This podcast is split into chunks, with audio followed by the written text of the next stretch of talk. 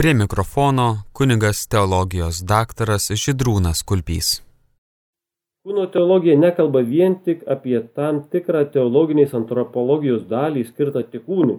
Tas reikėtų ir sielos teologijos.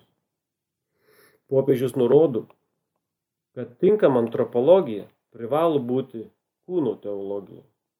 Jis sako, kad kalbėdami apie kūno prasme, mes turime turėti omenyje visą žmogaus sampratą.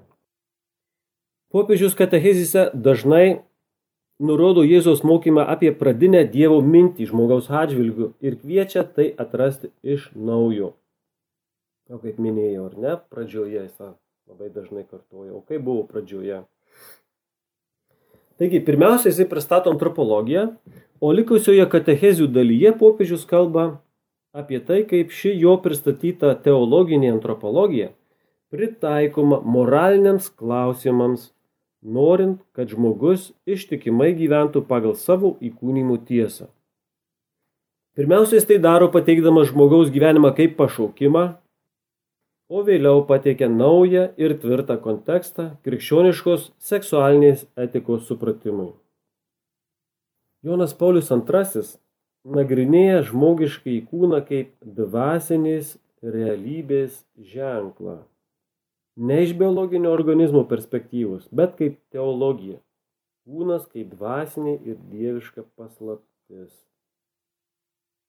Popiežius pabrėžia, kad kūnas atskleidžia neregimąją tikrovę. Jisai sako, kūnas kaip toks ir jis vienas gali padaryti matomu tai, kas yra neregima, tai kas dvasiška ir dieviška. Apreiškia tai, kas neregima. Aš atsimenu, prieš kiek laiko buvau Griška būdžio klebonas, čia Šakių rajone. Ir katechetai paruošė vaikus pirmosios komunijos, man tik reikėjo išegzaminuoti. Ir vaikus ten pagal tą programą klausinėjai. Va, bet kartais įdomu, kokį išmaištų klausimą sugalvoti, nes vaikai irgi labai kūrybingi, tai malonu juos išgirsti atsakymus. Tai va, tokius plačius filosofinius klausimus va, pateikiau ir sakau, kas yra žmogus? Aišku, tai nėra programai tokių klausimų. Vat, e, ir viena mergaitė pagalvojo, sako, žmogus yra dvasia, tik įkūnyta. Ir vat, būtent jau tokia maža mergaitė, ketvirtokiai, jinai pasakė tą, ką popiežius Jonas Paulius II, va, ką aš pasakiau, reiškia, mes esame dvasia, bet būtent mūsų kūnas ir apreiškia tą neregimą tikrovę. Jeigu ne mūsų kūnas, nu, mes negalėtume, kaip sakyti, komunikuoti, nes mes esame žmogiškos būtybės ir būtent tas kūnas mums yra kaip apreiškimas, būtent to, kas yra mumise dvasiška ir dieviška. Popiežius tęsė toliau. Kūnas buvo sukurtas, kad į regimąją pasaulio plotmę perkeltų nuo netmenamų laikų dieve paslėptą paslaptį ir būti jos ženklu. Labai svarbus teiginys. Į regimą plotmę perkeltų Dievo paslėptą paslaptį ir būti jos ženklu. Iš tikrųjų, šitą teiginį galima laikyti vienu iš pagrindinių, ne? vienu iš svarbiausių šių katechezių teiginių.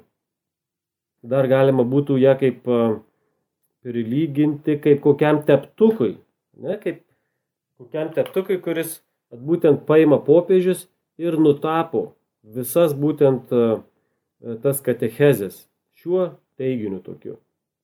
Todėl mes galime kalbėti apie kūno teologiją arba sakramentališkumą.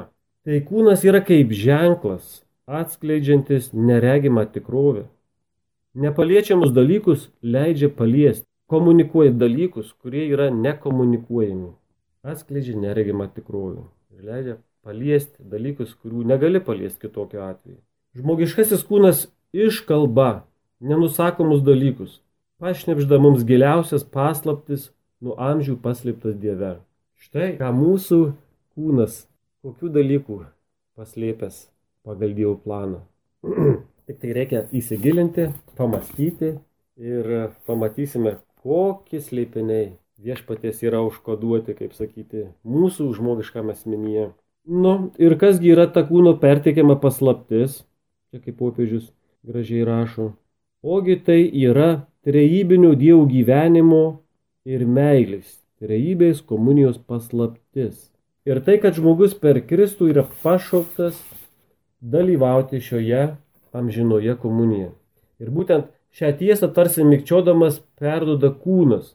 Tai yra kūno paslaptingoji kalba. Mikčioja, tik mikčioja. Normaliai negali išsakyti, nes po nuodėmis daug kas pasikeičia. Vat būtent ta, ta paslaptis, trejybinės komunijos paslaptis, ar ne, rubliau trejybę jau matė ne kartą. Matome trys trejybės asmenys, apačioje čia yra vietos. Dar galima būtų vieną vaikiną nupaišyti. Aišku, Rubliavą galėčiau aš pamokyti, bet kaimų klebonas, bet tai tik tai svarstymai. Šita vieta tuščia palikta Rubliavo neatsitiktinai būtent tai paslapčiai pailustruoti. Tai yra vieta žmogui. Būtent šitas, va tą paslaptį, kaip sakė popiežius katechezijai, būtent tai yra paslaptis, kad mes esame per Kristų pašaukti įžengti į šitą bendrystę, meilės bendrystę su pačia trejybė. Kristus tapo žmogumi, prisimė kūną, kad grėptų mus už rankos ir mus atitraukti į šitą didžiausią slėpinį, nuostabiausią slėpinį, vidinį trybės gyvenimą, būtent per tą kūnišką kelią. Kristus tapo kūnu ir mes esame savo kūnų dėka, įeidami į Kristaus mistinį kūną, esame pašaukti, vat, prisijungti į trybės tą gyvenimą.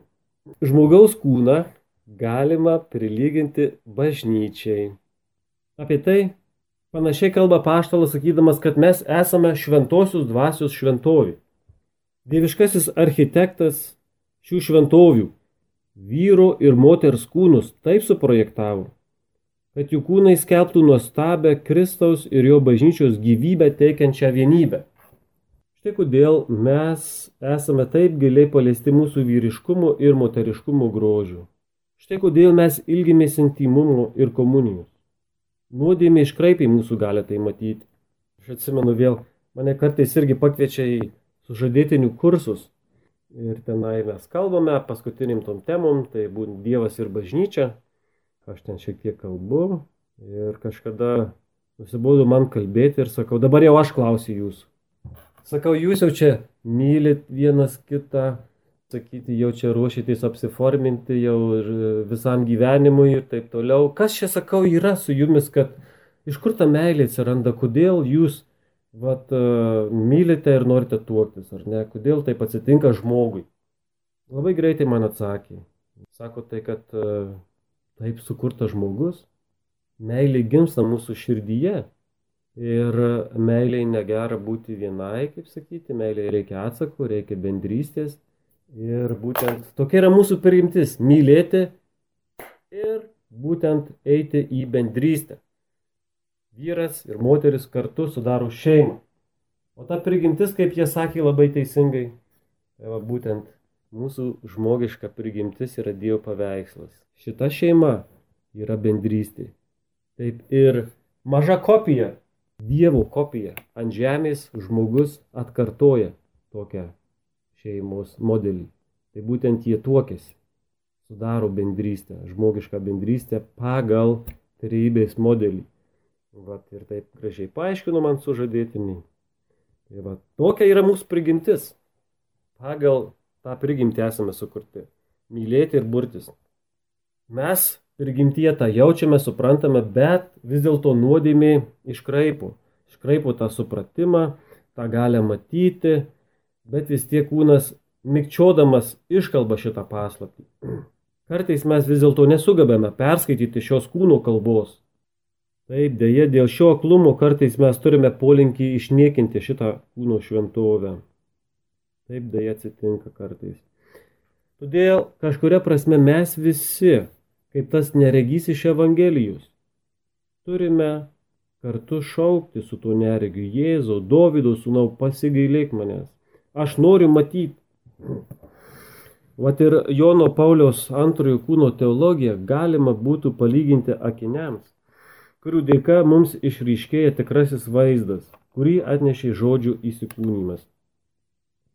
Šių akinių dėka mes galime išvysti tikrąją kūno prasme, skelbti didįjį Kristaus ir bažnyčios vienybės slėpinį, sako mūsų gerbiamas tėvelis. Taigi, Kristaus įsikūnymas yra mūsų kūniškumo esmės praskleidimas. Kūno teologijos tikslas ir yra apmastyti mūsų kūniškumo paslaptį šioje Kristaus įkūnyto tikėjimo perspektyvoje. Dabar žiūrėkim, Vatikano antrojo susirinkimo tėvai taip sako. Šitą būtent užakcentuoja tą labai mintį svarbiai. Tik tai įsikūnijusio žodžio paslaptyje tikrai išryškėja ir žmogaus paslaptis.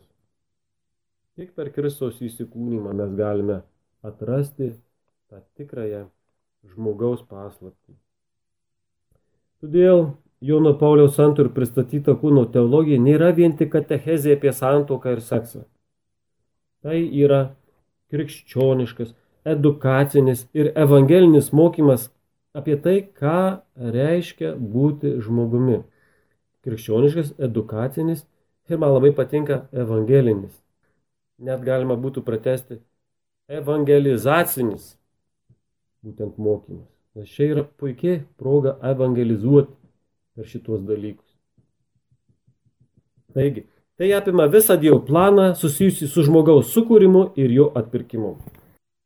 Kristus atskleidžia mūsų neprilykstamą žmogiškai orumą nes jis įsikūnydamas prisėmė ir mūsų prigimtį.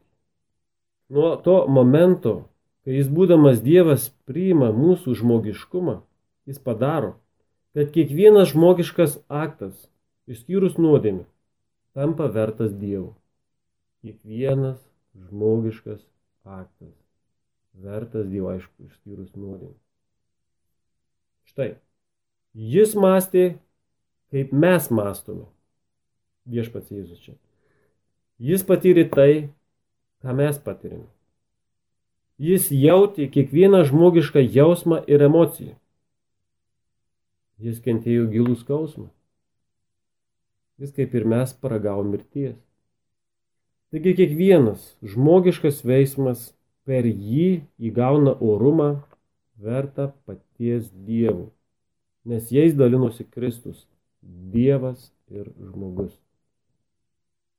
Taigi matome, kiek reikalų turim čia mes. Kūno teologija yra glaudžiai susijusi su antropologija. Ji yra jungtis tarp teologijos ir antropologijos. Yra nuodugnus ryšys tarp teologijos, kur yra studijos apie Dievą, ir antropologijos, kas yra žmogaus tyrinėjimas. Išeities taškas yra Kristaus įsikūnymas. Kūno teologija turi esminę reikšmę antropologiniam žmogaus studijavimui. Tik supratę kūno teologijos tiesas, mes galime pamatyti tikrai žmogaus prasme, kas jis yra ir kuo yra būti pašauktas. Tik tada suprantame, kaip jis turi gyventi. Štai čia matome, kad kūno teologija taip pat turi esminę svarbą krikščioniškai etikai žinodami, kas tai yra, galime iš jos atsigerti, o ne kalti vinį. Asmenų prigimtis, kalbant apie žmogų. Toliau tęsime. Kristaus kūnas yra garbės tabernakulis, kuriame dievystė apsikabina su žmogyste ir negali būti atskirtos. Priimdami savo kūniškumą mes tampame pasiruošę priimti amžiną ir nenupelnytą dieviško gyvenimo dovaną. Kaip sako apaštalas Paulius laiškė kolosiečiams, juk Kristuje kūniškai gyvena visa dievystės pilnatvė.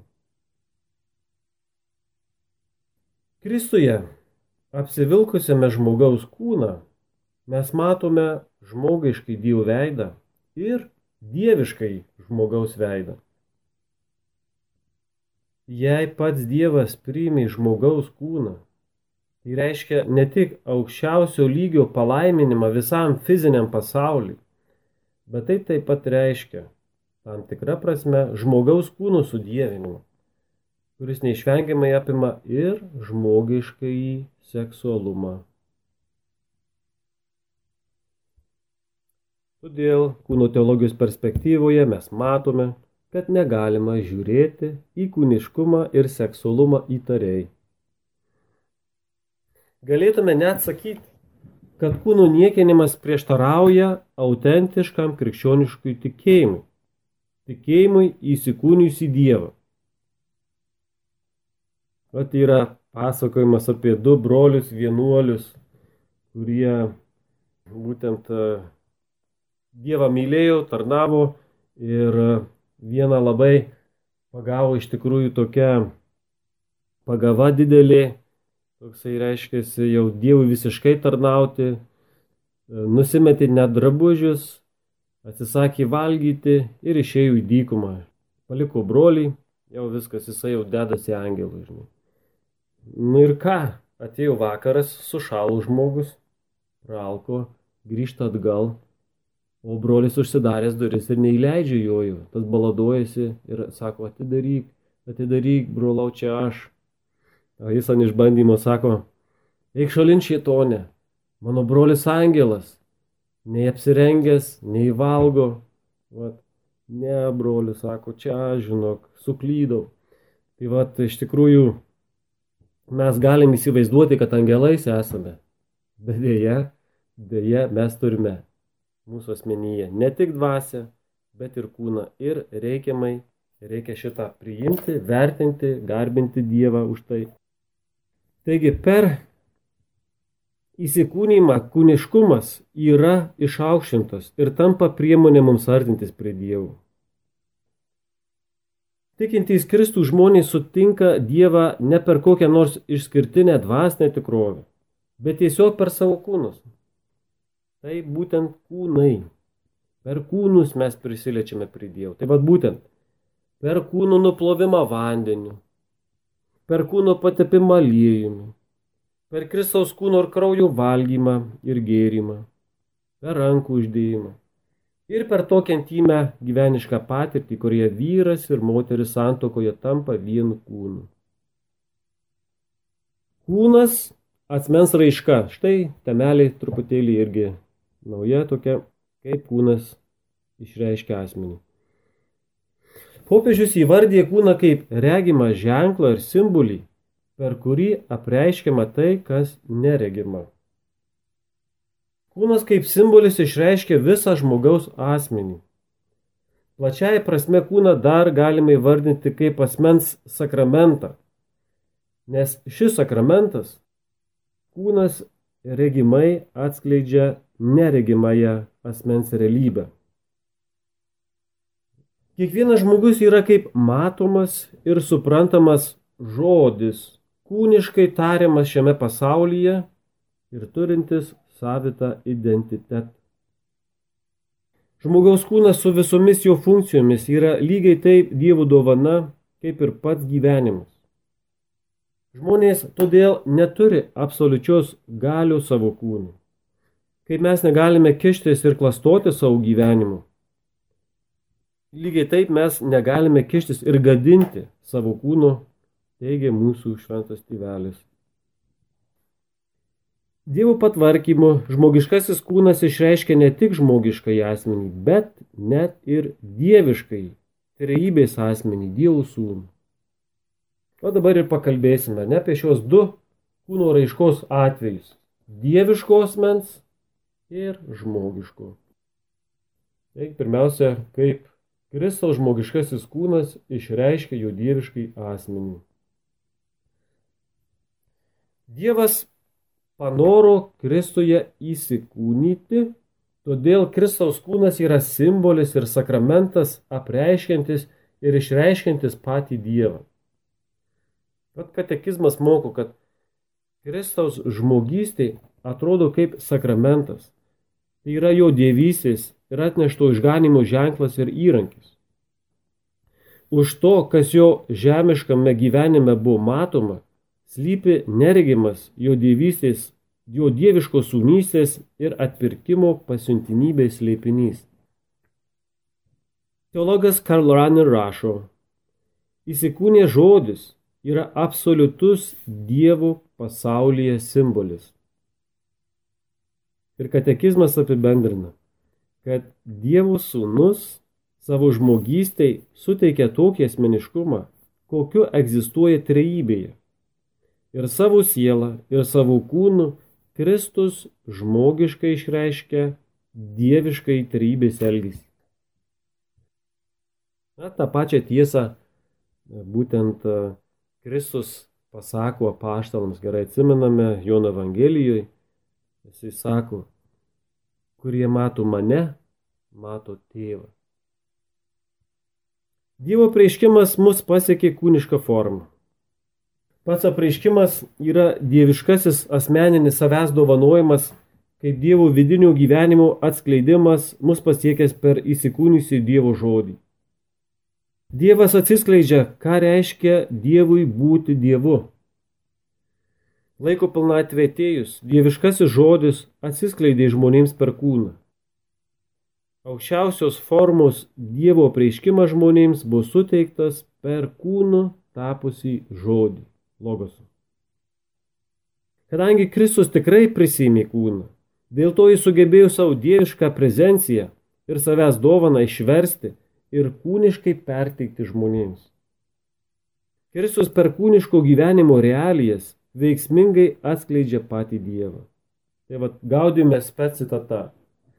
Dievo sūnus žmogaus rankomis darbavosi, žmogaus protų mąstė, žmogaus valia veikė, žmogaus širdimi mylėjau. Verkė taip pat. Evangelijoje skaitome, kad tikrai Lozorios, o prieš prikeldamas jisai verkė. Jėzus kalbėjo galilėjiečių kalba, verkė, maitinosi, mėgausi maistu, augo matininko priežiūroje. Jo kūno širma buvo kaip visuotinio išganimo gyvasis atvėrimas. Jono Evangelijos pabaigoje pateikta Jėzaus malda atskleidžia Kristaus misijos ant žemės tikslą - atskleisti tėvą bei vidinį tarybės gyvenimą. Kristus padarė tai atskleisdamas Dievą per kūniškai suprantamus žodžius ir veiksmus. Žmogiškasis kūnas išaukštinamas iki tokio lygio, kad net išreiškia dieviškai asmenį. Jėzus ne tik papasakojo mums apie Dievą, jis mums ir parodė jį. Ir visą tai jis padarė savo žmogiško kūno dėka. Iš Biblijos žmonės žinojo apie Dievą, kaip jis veikia. Tačiau žinojimas yra viena, o realiai matyti, kaip jis veikia, jau yra kur kas daugiau. Kristuje mes taip pat matome save pačius. Mes esame sukurti pagal Dievo paveikslą ir iš Kristaus mokomės, kaip turime gyventi, jei norime išpildyti šį panašumą į Dievą. Štai šį perkūną duotą apreiškimą žmonės taip pat priimė kūniškai. Kūniškas apreiškimų priimimas reiškia, kad krikščioniai sutinka Dievą būtent per savo kūnus. Per kūnų nuplovimą vandeniu, patepimą aliejumi, per Eucharistijos valgymą ir gėrimą ir kitus Dievo įsteigtus būdus. Mat kaip apaštalas Paulius laiške korintiečiams vysto, kad būtent Per savo kūną mes tampame Kristaus kūno dalimi. Mūsų kūnai tampa Kristaus kūnu. Mes įtraukiame į misinį Kristaus kūną būtent per mūsų kūnus. Mūsų kūnai šventi, nes per juos mes prisiliečiame prie dievų paslapčių. Kaip apibendrina paštalas Paulius, kūnas viešpačiui, o viešpats kūnui. Čia pirmas korintiečiam 6.13. Tai taip yra tas Kristaus kūnas būtent išreiškia būtent tą dievišką asmenį, o dabar kaip kūnas išreiškia žmogišką asmenį. Žmogaus kūnas yra vienintelis kūnas pasaulyje, kuris fizinėme pasaulyje parodo, kaip veikia asmuo. Kas yra asmuo, ne, trumpai. Boesijus sako, kad tai protingos prigimties individas. Tik tai žmogaus kūnas asmenį išreiškia. Mes esame išskirti iš visos kūrinijos, nes esame įkūnyti asmenys. Tik žmogaus kūnas yra suvienytas su asmeniu. Nėra kitų. Šimpanzės niekas nesiskaito, šuniukai niekas. Tik tai žmogaus kūnas suvienytas su asmeniu. Todėl tik žmogaus kūnas išreiškia asmenį. Žmogiškasis kūnas yra asmens ženklas arba sakramentas.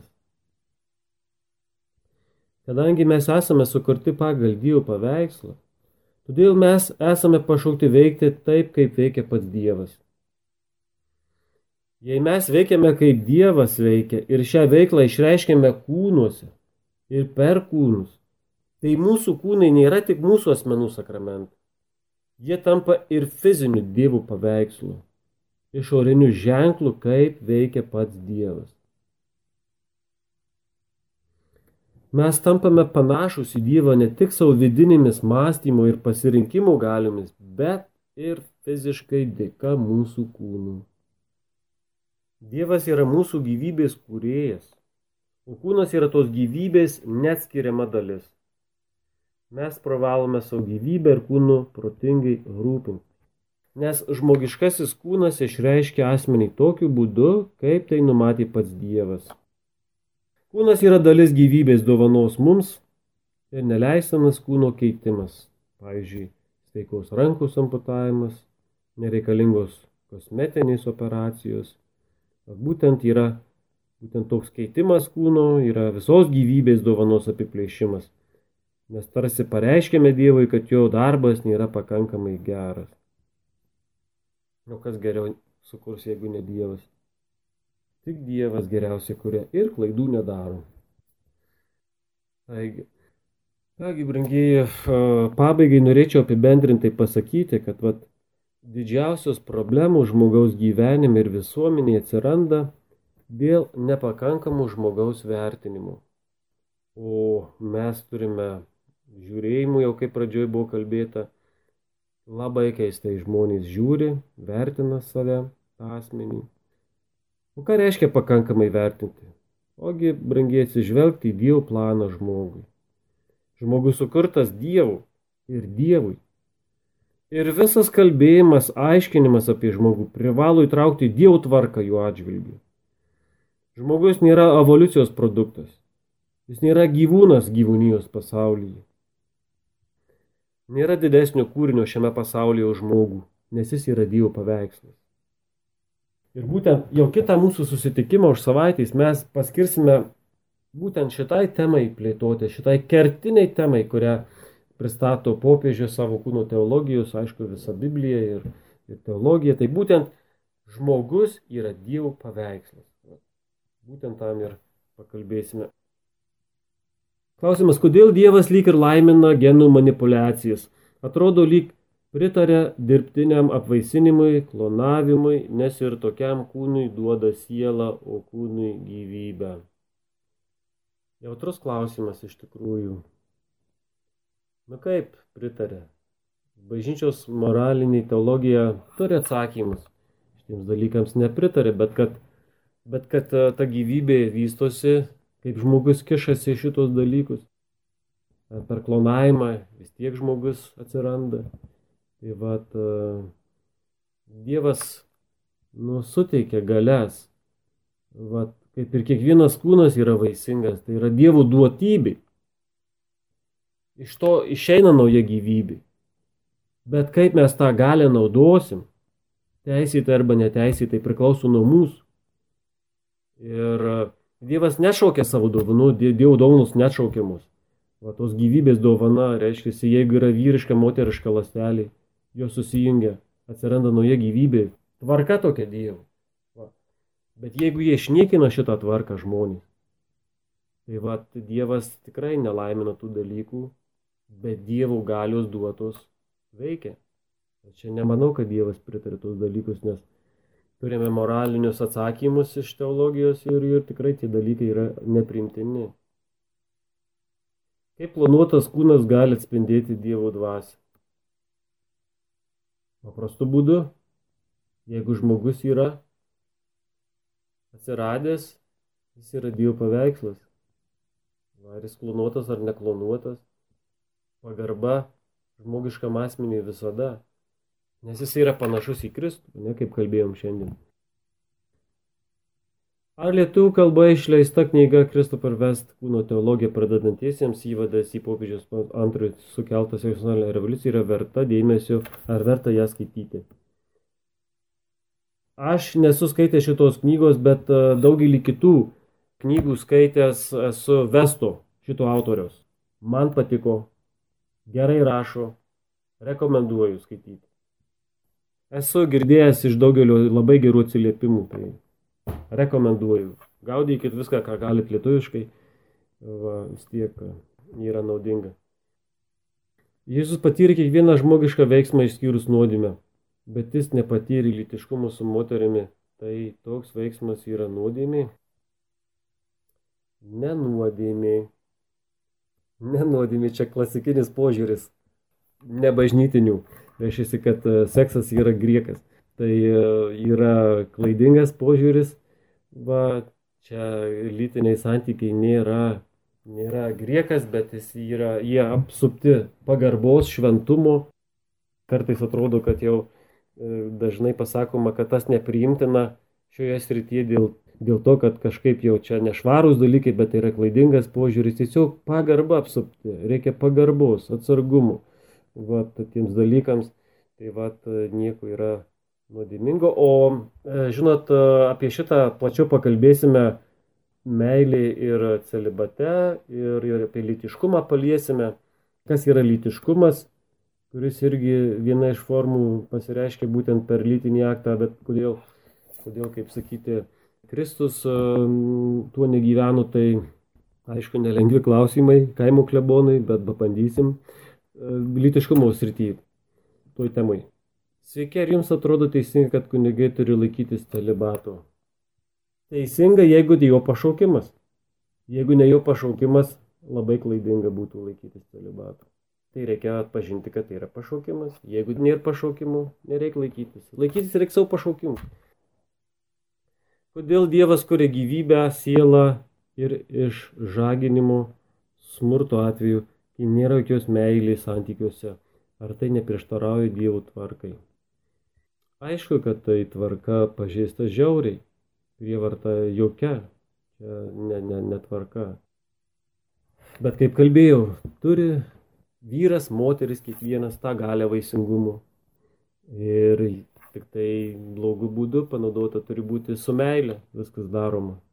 Vat, nauja gyvybė pradėta, bet jeigu tai yra prievarta, tai, vat, tai yra, yra nepriimtina, bet gale veikia. Vaisingumas yra suveikiantis. Ar galima sakyti, kad kūno nepriežiūra, dantų nevalymas yra nuodėmė? Vaikams taip labai. Jokauju.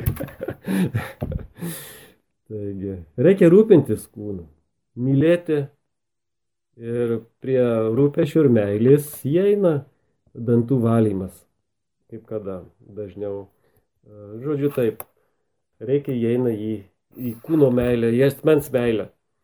Va, būtent priežiūra, rūpinimasis.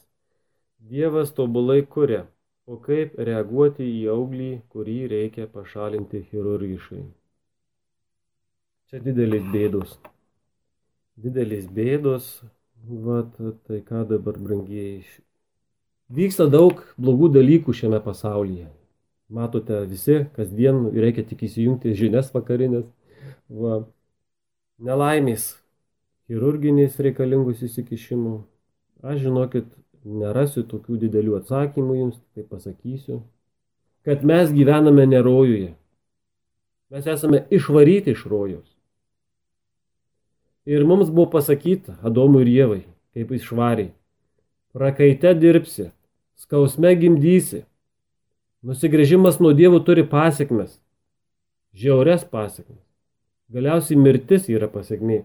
Tai vad mes esame išvyti iš rojos ir šitame pasaulyje, kur e, nerojus pasaulis ir e, siautėja blogis. ir kartais mus užkabina. Ir kartais mums reikia skalperio chirurgo, nes kūnas išsiderino ir kažkas panašiai. Čia brangiai mūsų nupuolusių kūnų, kaip sakyti, nupuolusių stovių ženklai. Dievas to nenorėjo, Dievas sukūrė žmogų tobulą. Bet dėja, mes nusigrįžim nuo Dievo per pirmuosius tėvus ir dabar turime pasiekmes. Dėja, juosius nelabai, kaip matome, malonius. Tai va, tai va taip galėčiau duoti atsakymą tam klausimui. Ar Jėzus sirgo? Vat klausimas. Nu, pagal, žinot, jau aš tai neatsakysiu šitą klausimą, bet galima būtų pasvarstyti, kad būtent lygos, bėdos, visokios mums priklauso, žinot, nupuolusios stovio žmonėms, o viešpats Jėzus buvo šventas, be jokių nuodėmių. Tai jam nepriklausytų kokios nors atgailos, kaip sakyti. Jis kentėjo, jisai, kaip sakant, mirė ant kryžiaus, kaip mes, griešnikai, bet žinom dėl ko, dėl to, kad mus atpirktų. Jo kančia mes esame išgelbėti, bet jisai padarė tai dėl mūsų, bet kad baus, kaip sakant, kažkokie tai negalavimai, tai nežinau, čia reikėtų kokiems aukštesniems teologams pasisakyti, bet man atrodo, kad um, gal nelabai. nu, tai va, tai labai ačiū Jums uždėmesi iš tikrųjų. Va, šitą jau aš maniau, kad reikės pritaikyti, pritaikyti tą lutinišką seną pasakymą, kur mus išmokė seminarijų dėstytojai. Apie pirmą paskaitą taip skamba lutiniškai. Pirma lekcija aut brevis aut nulle pirma paskaita arba trumpesnė, arba nuliniai. Žodžiu, iš vis nėra. Tai malonu, kad užteko kalbų, užteko klausimų, o toliau tik bus įdomiau. Pasistengsiu, labai stengsiuosi. Mėly Marijos radio klausytojai, prie mikrofono su jumis savo mintimis dalinosi Liudvinavo Šventojo Liudviko parapijos klebonas, kunigas teologijos daktaras Židrūnas Kulpys. Įrašas iš konferencijos Kūno teologijos tema ciklo. Tesinio kviečiame klausytis kitą savaitę tuo pačiu metu. Likite su Marijos radiju.